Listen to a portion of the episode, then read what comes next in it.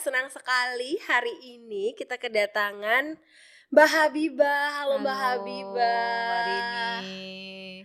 Oke, Mom, Paps ya. Mbak Habibah ini adalah seorang psikologis klinik. Ya, Klinis. Psikologi Oh, klinis. Psikolo- ya. Psikologi klinis. Yes. Dan hari ini kita akan membahas mengenai pendidikan seksual pada anak.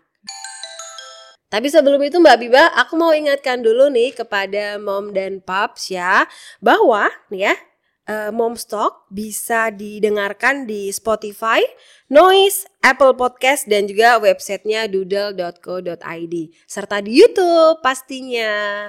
Jadi jangan lupa untuk subscribe, aktifkan notifikasi, jangan lupa komen, serta jangan lupa klik tombol like-nya. Oke. Jangan lupa di subscribe ya Mbak Biba.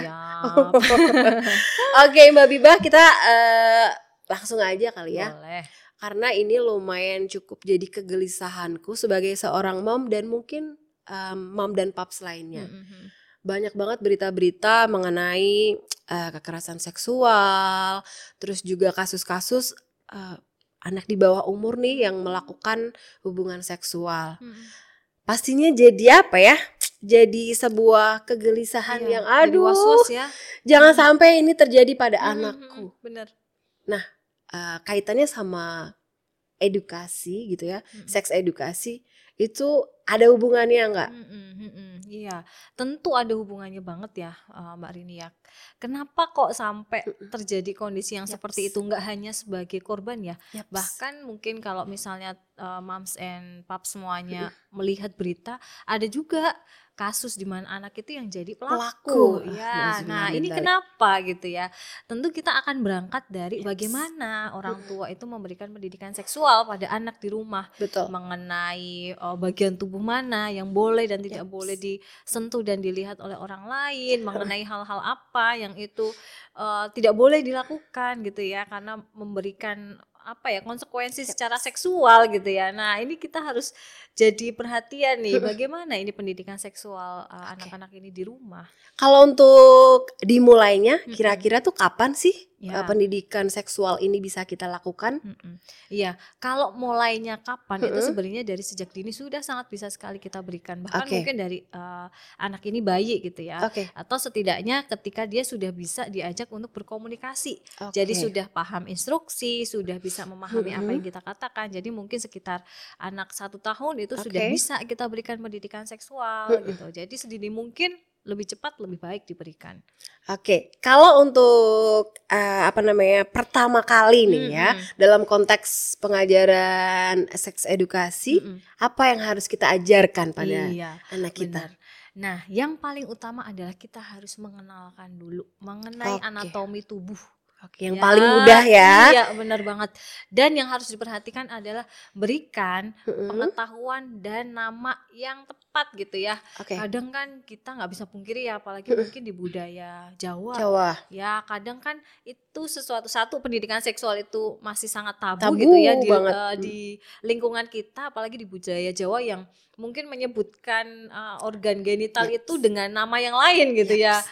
Eh, disebutkan ininya tuh nama eh, titit atau Iya, apa gitu ya. burung gitu Oh, ya. oh. Padahal sebenarnya ada juga itu Oke. nama burung, tapi bukan mengacu pada alat kelamin laki-laki gitu. Jadi mulai yang pertama adalah kita mengenalkan dulu tentang anatomi tubuh dan memberikan penyebutan yang tepat gitu, yang sebenarnya gitu. Oke. Kalau penis ya katakan penis, Oh, kalau gitu. ini adalah vagina ya katakan vagina gitu. Jadi anak-anak harus tahu bahwa uh, bagian tubuhnya itu apa saja dan ada bagian tubuh yang itu bisa dikatakan intim gitu ya, yang uh, terbatas nih aksesnya, boleh disentuh dan boleh diperlihatkan ke orang lain. Berarti gitu. tidak boleh menamai eh, organ vital kita itu dengan sebutan tertentu gitu. Iya. Misalkan kalau orang dulu tuh burung apa gitu, gajah atau apa itu nggak boleh. Iya, iya, sebaiknya tidak. Oke. ya karena ketika kita sudah uh, mengajarkan itu dengan terbuka ke depannya itu kita akan lebih mudah untuk masuk pada step-step selanjutnya gitu kalau dari awal sendiri kita sudah misalnya menyebutkan uh, penis itu dengan burung Oke. atau titit atau mungkin yang Gajah. lainnya gajah gitu ya Gajah mungkin Kita ini akan- gunung, kadang kan payudara disebutnya gunung. iya betul Eh, penis tuh gajah Mm-mm, gitu. gitu. Itu nggak boleh boleh ya. Iya, sebaiknya enggak. Karena kalau misalnya kita udah uh, menyebutkannya dengan nama lain, itu kan sebenarnya kita sudah bikin batasan gitu okay. ya bahwa uh, tidak boleh nih seterbuka itu membicarakan masalah seksual. Padahal okay. itu nantinya penting banget untuk nanti, apalagi ketika anak sudah beranjak dewasa, ketika dia sudah mengalami pubertas. Nah, gimana kita mau ngasih tahu mereka lebih lanjut okay. kalau dari awal aja kita udah aduh malu-malu nih aduh uh, nanti dulu aja deh gitu ngasih jangan-jangan bisa-bisa anak-anak kita malah kebingungan ya iya, Mbak Bibah. bener. Kalau katanya gajah itu hewan besar tapi iya. kenapa ada di tubuhku oh, oh, gitu. bener, oke oke oke berarti nggak boleh. Hmm. harus jelas secara bener. nama organ tubuh. Benar jadi sebaiknya memang diberikan uh, nama yang nama sebenarnya, yang sebenarnya gitu ya, yang itu memang akan digunakan nantinya. Okay. Itu tadi mengenai uh, penyebutan. Jadi hmm. pengajaran pertama konsep uh, anatomi tubuh. anatomi tubuh. Yes. Hmm. Lalu selanjutnya kalau misalkan konsep laki-laki dan perempuan. Mm -mm. Itu gimana cara apa yeah. namanya menjelaskannya kepada mm -mm. anak kita gitu. Iya. Nah, tadi ke, ketika kita memberikan pengetahuan mengenai anatomi tubuh itu sebenarnya adalah pintu awal kita untuk okay. mengenalkan bahwa uh, ada perbedaan nih antara laki-laki dengan dengan perempuan gitu. Okay. Kalau laki-laki itu punya penis, kalau perempuan itu punya vagina gitu okay. dan bentuknya itu juga berbeda gitu. Jadi kita boleh untuk menyampaikan itu gitu bahwa ada perbedaan karena kadang ya apalagi -hmm. kalau misalnya kita udah punya anak, anaknya kebetulan laki-laki, perempuan gitu ya. Kok punya aku kayak begini, berbeda punya adik kayak begitu gitu jadi ada ada ini ya apa uh, curiosity gitu ada keingintahuan anak yang itu juga perlu untuk kita fasilitasi gitu. dan itu termasuk dalam bagian pendidikan seksual pada anak oke gitu. jadi tadi bisa mengenal apa uh, anatomi namanya yang sebenarnya hmm. terus perbedaan laki-laki dan perempuan hmm. itu uh, seperti apa bagaimana oh. nah kalau misalkan uh, boleh dan tidaknya hmm. apa yang harus dilakukan nih? Ya, mengenai boleh atau ya. tidaknya gitu ya. Nah, ketika kita sudah mengenalkan mereka tentang anatomi, hmm. langkah selanjutnya adalah kita mengenalkan pada mereka itu masalah privacy. Oke. Okay. Gitu. Jadi bagian tubuhmu ini ada banyak gitu okay. ya. Bagian tubuh yang namanya penis, hmm. kemudian yang tertutup oleh uh, pakaian dalam hmm. itu adalah bagian-bagian yang nggak boleh okay. untuk disentuh oleh orang lain gitu. Nah, kita mulai ajarkan untuk konsep privacy gitu. Jadi ada bagian-bagian tubuhmu itu yang nggak boleh kalau misalnya sembarangan orang pegang. Oke. Gitu. Dan kalaupun harus pegang, harus izin sama kamu. Oke. Dan kamu boleh menolak. Jadi kita perlu memberikan apa ya? uh, pengajaran pada anak bahwa tubuh ini adalah area pribadi okay. mereka gitu. Jadi kalaupun nantinya orang tua pun mau, mau pegang uh, harus dibiasakan untuk minta izin dulu. Misalnya bantuin anak cebok, mama minta izin ya untuk basuh uh, vaginamu, okay. mama minta izin ya untuk basuh pantatmu okay. gitu. Jadi uh, kita juga mulai perlu untuk mengenalkan privasi itu pada anak. Berarti kita sebagai orang tua tuh harus uh, minta izin dulu hmm, gitu ya. betul. Biar anak kita tuh uh, jadi lebih paham, paham. gitu. Oh, oh iya. mamaku aja tanya oh, gitu. Apalagi orang lain. Oke, okay. ini kaitannya sama itu tadi ya. Uh, apa namanya? persetujuan, hmm, persetujuan hmm, untuk mana yang boleh dan mana yang enggak. Hmm. Itu uh, ada cara lain gak sih Mbak Bibah selain orang tuanya mencontohkan hmm. oh ini mama uh, minta izin dulu ya hmm, hmm, hmm. terus mungkin uh, ini privasimu ada hmm. mungkin ada uh, metode-metode lain nggak hmm. sih oh oke okay. jadi sebenarnya kalau mengejarkan uh, masalah seksualitas hmm. pada anak itu ada banyak sekali medianya okay. jadi memang mengajarkan ini akan bagus kalau kita pakai media yang sangat dekat dengan okay. anak itu apa, apa itu? bermain okay, ya bermain. misalnya dengan role play misalnya dengan menyanyi hmm. misalnya dengan gambar atau dengan apa pun itu itu kan mungkin kalau di TK itu sekarang udah dikenalkan ya tentang lagu apa ini sentuhan boleh dan okay. tidak boleh. Nah, itu kan juga sebenarnya adalah bagian dari pengajaran tentang seksual, okay. uh, sex education pada anak. Gitu. Okay. Jadi sebenarnya kalau bagaimana caranya itu sebenarnya ada banyak banget. Gitu. Okay. Jadi selain tadi dengan lewat media-media yang menyenangkan, mm -hmm. ya kita juga berikan contoh okay. tadi dengan minta izin. Minta izin. Oke, okay. karena ini sesuatu hal yang cukup apa ya? Cukup ditakutkan mm -mm. ke depannya kalau misalkan anak kita tuh dipegang oleh orang lain dan mm -mm. mungkin nggak benar gitu. Mm -mm. Nah kalau untuk anak aku nih sekarang udah usia-usia toddler Mbak. Bibah usia empat tahun hampir empat tahun dan dia udah mulai merasakan yang namanya apa ya uh, ketika dicebokin tuh dia kayak ngerasain geli dan nyaman Hmm, gitu. hmm, hmm, Jadi hmm. kayak keterusan Ya, gitu. uh, uh, uh. Itu wajar atau enggak gitu karena Hmm, dia udah mulai mainin alat genitalnya. ya, uh, uh. Jadi dipegang-pegang sendiri Iya, gitu. Kadang aku agak shock hmm, hmm. terus jadi jangan gitu. Nah. Itu boleh tidak gitu. Iya, iya. Karena respon pertamaku langsung gitu, Iya, langsung iya. berkata jangan gitu. Hmm, hmm, Nah, itu apakah diperbolehkan Ah, ah. atau gimana ya? Karena memang ini ya apa namanya itu sebenarnya ada sesuatu hal yang wajar gitu. Kenapa? Karena memang ada secara fisiologis tuh ada sensasi geli gitu tadi yang disampaikan. Jadi ada kenikmatan yang mereka Yes. rasakan ketika bagian tubuh itu dipegang gitu. Oke. Tapi kan kenikmatan itu berbeda ketika uh, pada kita yang udah dewasa gitu Oke. ya. Jadi bukan pada ke arah rangsangan tapi memang ada sesuatu hal yang sensasi yang berbeda yang dia rasakan. Nah, saya sangat maklum ya kalau misalnya orang tua pasti langsung oh no no no gitu ya langsung no-nya keluar nih. Nah, memang uh, akan bagus uh, untuk diarahkan. Jadi kita kasih pengertian gitu ya. Kita memang perlu tenang dulu ya. Kita pahami dulu memang itu adalah satu hal yang wajar dialami oleh anak. Tapi- Berarti itu sangat alami ya iya terjadi. sebenarnya. Jadi sesuatu hal yang memang akan sangat mungkin gitu Mm, dilewati oke, oleh setiap anak. Jadi mereka mulai tertarik dengan uh, organ genitalnya gitu. Bagaimana kita meresponnya ya kita harus memang mengarahkan bahwa uh, kita validasi dulu. Oke. Rasanya geli ya Dik kalau dipegang misalnya. Rasanya uh, ini ya Mm-mm. apa namanya geli-geli gimana gitu kalau dipegang. Iya, Mama paham. Tapi kalau kamu terlalu sering Mm-mm. pegang nanti jadi Oke. lecet. Nanti kalau Oke. terlalu sering pegang nanti jadi luka dan Oke. itu sakit gitu. Jadi kita kasih pengertian bahwa melakukan itu tuh kita bisa terima, Oke. tapi akan lebih bagus kalau enggak dilakukan. Oke. Gitu. Mungkin diarahkan untuk menjaga kebersihannya Iya, gitu kali ya. betul. Mbak Bibah karena Mm-mm. memang cukup apa ya aku Mm-mm. belum tahu ternyata eh, di usia-usia anak segitu tuh itu hal yang Wajar, wajar. Oke. Nah, eh, selain itu nih Mm. ya, aku kan dulu terbiasa mandi bareng sama anak aku. Kan aku kebetulan Hmm. perempuan. Oh, oke. Ya anak aku kebetulan perempuan dan dulu tuh nggak sempet yang namanya apa namanya eh, apa namanya di mandi aku mandi sendiri jadi aku Hmm. harus mandi Bareng. bareng gitu. Mm-mm. Nah kira-kira nih Mm-mm. bol pada usia sampai berapa sih mandi antara orang tua Mm-mm. dan anak itu di batasannya sampai usia berapa? Mm-mm. Iya. Dan apakah sebenarnya boleh atau enggak gitu loh? Kan Iya. jangan-jangan nggak boleh nih ternyata Hmm. aku selama ini salah.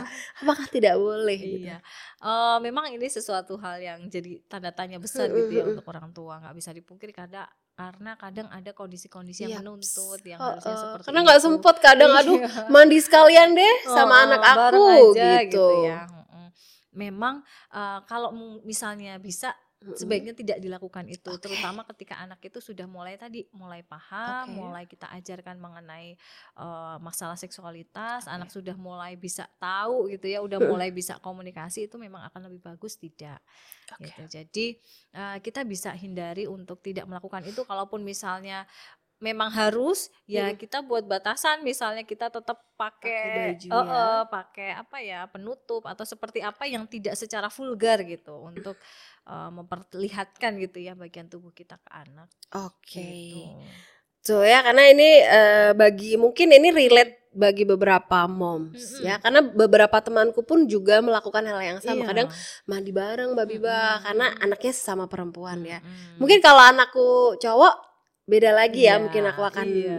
ini tapi Mikir-mikir kata Mbak lagi ya. iya tapi mungkin kata Mbak Biba lebih baik dihindari Mm-mm, berarti ya betul. oke nah kalau misalkan sudah terlanjur seperti aku itu tadi Mm-mm. berarti kita harus mengenalkan lagi apa Mm-mm. namanya eh, menjelaskan lagi ya Iya. kalau nggak boleh Mm-mm. gitu. Eh, dan ini ya sebenarnya ketika pun sudah terjadi itu juga bisa jadi momen kita untuk Oke. mengajarkan lagi step Oke. yang selanjutnya di eh, tahapan seksualitas yaitu apa bahwa ketika nanti kamu seiring bertambahan usiamu itu akan ada banyak perubahan Oke. dalam tubuhmu Oh, itu kan yes. juga bagian dari pengenalan ya jadi nanti ketika kakak sudah beranjak dewasa Mm-mm. nanti payudaranya akan semakin besar gitu nanti akan ada perubahan di tubuhmu mungkin mulai muncul rambut dan lain sebagainya dan itu akan kamu alami ketika kamu sudah besar, besar oke gitu. karena karena berhubung aku mungkin terlanjur berarti Mm-mm. aku mungkin bisa Mm-mm. memperkenalkan itu Iya, ya besok nanti pelan-pelan bisa masuk ke situ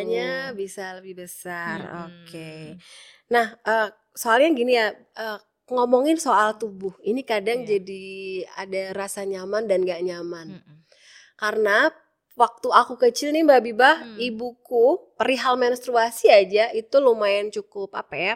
eh, disimpan rapat-rapat. Hmm, ya. Jadi aku tuh dulu tuh tahu menstruasi tuh shock karena aku nggak ada yang namanya nggak di briefing eh, dulu iya, ya. tidak di briefing dulu. Jadi umur 6 SD ketika menstruasi shock, cukup Hmm, kaget. mm-mm. Ternyata ibuku tuh juga menstruasi. Oh. Wow gitu.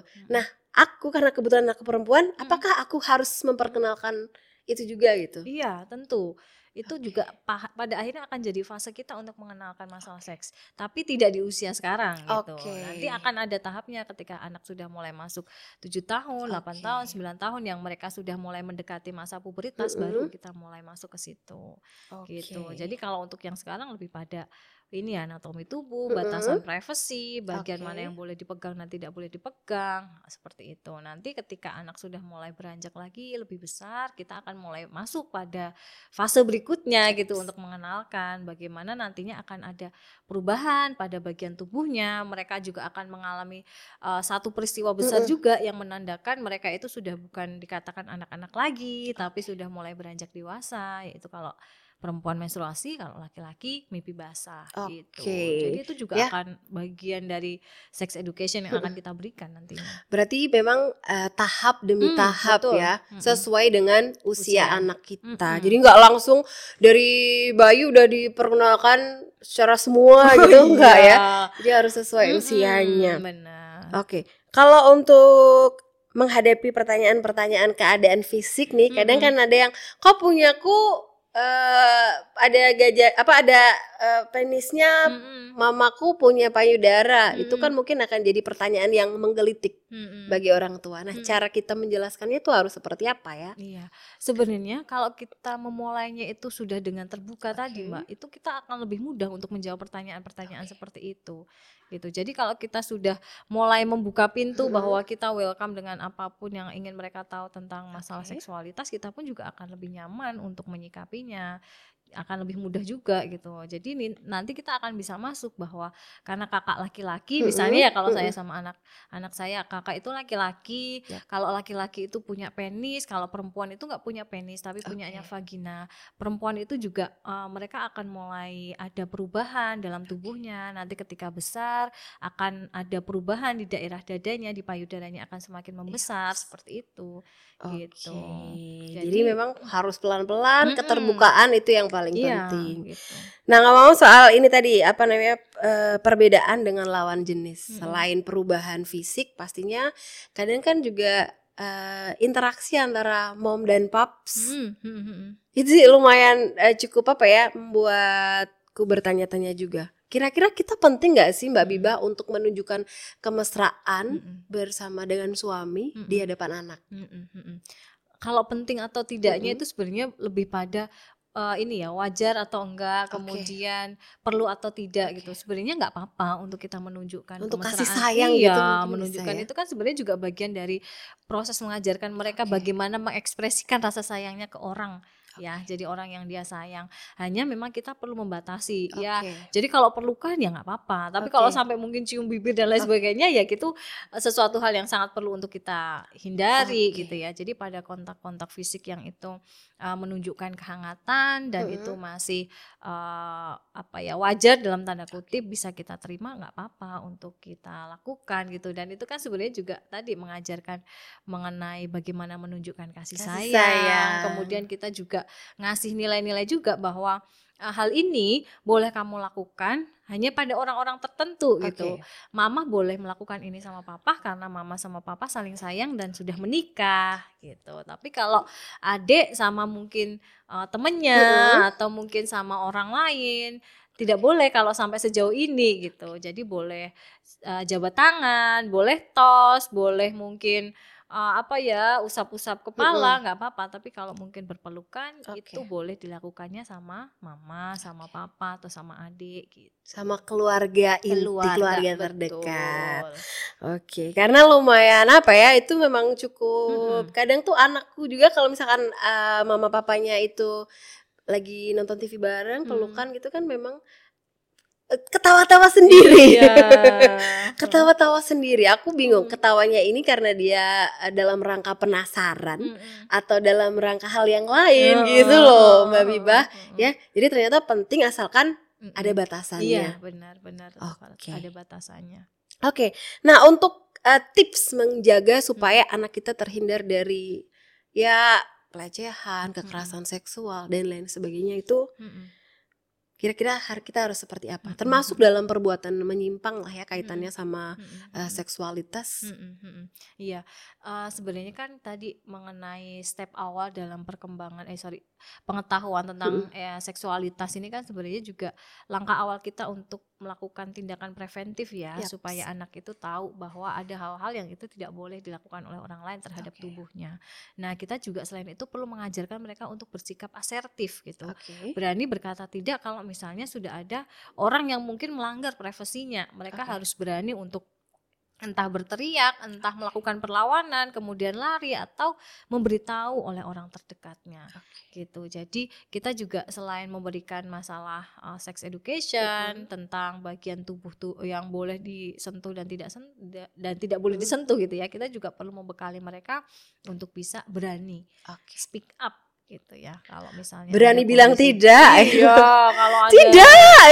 kalau ada yang mengarah gitu ya pada tindakan-tindakan seperti itu kita harus uh, Itu termasuk Waspada. entah orang terdekat maupun Betul. orang luar ya. betul. Karena memang eh, kasus-kasus Mm-mm. itu kadang biasanya ada yang orang terdekat Iya. baca berita aduh macam-macam kakeknya atau aduh Iya. Nauzubillah min dalik betul, ya. betul. gitu jadi memang tetap harus berani untuk bilang tidak meskipun itu orang terdekat Mm-mm, sendiri bener. gitu. Bahkan mungkin ini ya eh, dengan orang tua pun Mm-mm. selain tadi kita meminta izin Oke. kita juga harus paham kalau misalnya anak sudah mulai beranjak dewasa pun Oke. eh, terutama misalnya ini ya kalau ayah ke anak perempuannya Uh-uh. ya jadi kita juga perlu memperhatikan ini eh, harus menghargai juga privasi anak tidak tidak eh, apa namanya mungkin pegang-pegang yang area-area yang sensitif dan lain sebagainya gitu Oke, Mm-mm. terima kasih Mbak. Biba. Mungkin ada, oh iya, untuk ini agak apa namanya em, di luar, tapi apakah ini juga penting Mm-mm. mengenai landasan-landasan etika agama itu Hmm. apakah juga penting untuk jadi pondasinya Iya. kaitannya sama ke, eh, penyimpangan seksual ataupun Mm-mm. kekerasan seksual. Iya, iya banget ya. Tentu setiap keluarga punya nilai-nilai, value, eh, kemudian nilai-nilai agama yang mereka pegang gitu ya. Dan itu memang akan menjadi landasan dalam kita Mhm. memberikan masalah eh, pendidikan seksualitas ini pada anak gitu. Ter- Misalnya mungkin kalau saya sebagai orang eh, Islam gitu ya, Muslim. Kita juga perlu mengajarkan mengenai aurat gitu ya, bagian tubuh yang nggak hanya itu tidak boleh disentuh tapi juga tidak boleh untuk dilihat oleh orang lain ketika kamu sudah mulai beranjak dewasa. Rambut nggak boleh Oke. dilihat kemudian mungkin uh, lengan dan lain sebagainya nggak boleh dilihat harus tertutup seperti itu. Jadi landasan agama pun itu pasti juga akan kita butuhkan dalam memberikan pendidikan edukasi seksualitas pada anak Oke. Gitu. Ya, yang paling penting mungkin orang tuanya pun juga harus Mm-mm. mencontohkan Benar. gitu ya. Bener banget. Kadang ini ya, uh, karena udah terbiasa gitu mungkin bapak-bapak keluar kamar mandi udah Iya, pakai Handuk uh, handuk aja. aja yang itu Oke. sangat minimalis itu juga kita harus kalau kita mau mengajarkan kita juga harus konsisten dulu untuk mencontohkan Oke, gitu. ya. Tuh moms, paps, jadi memang value nilai-nilai eh, pondasi agama itu Mm-mm. juga penting sekali untuk kita contohkan Mm. kepada anak-anak kita supaya anak-anak kita bisa memproteksi diri ya Mbak Biba. Oke, terima kasih sekali kepada Mbak. Biba untuk eh, obrolannya di hari ini. Jangan lupa mom dan paps untuk tonton eh, obrolan hari ini di Spotify, Noise, Apple Podcast dan juga websitenya Doodle Doodle eksklusif baby care yaitu doodle.co.id. Jangan lupa di subscribe. Sampai jumpa Mbak Biba.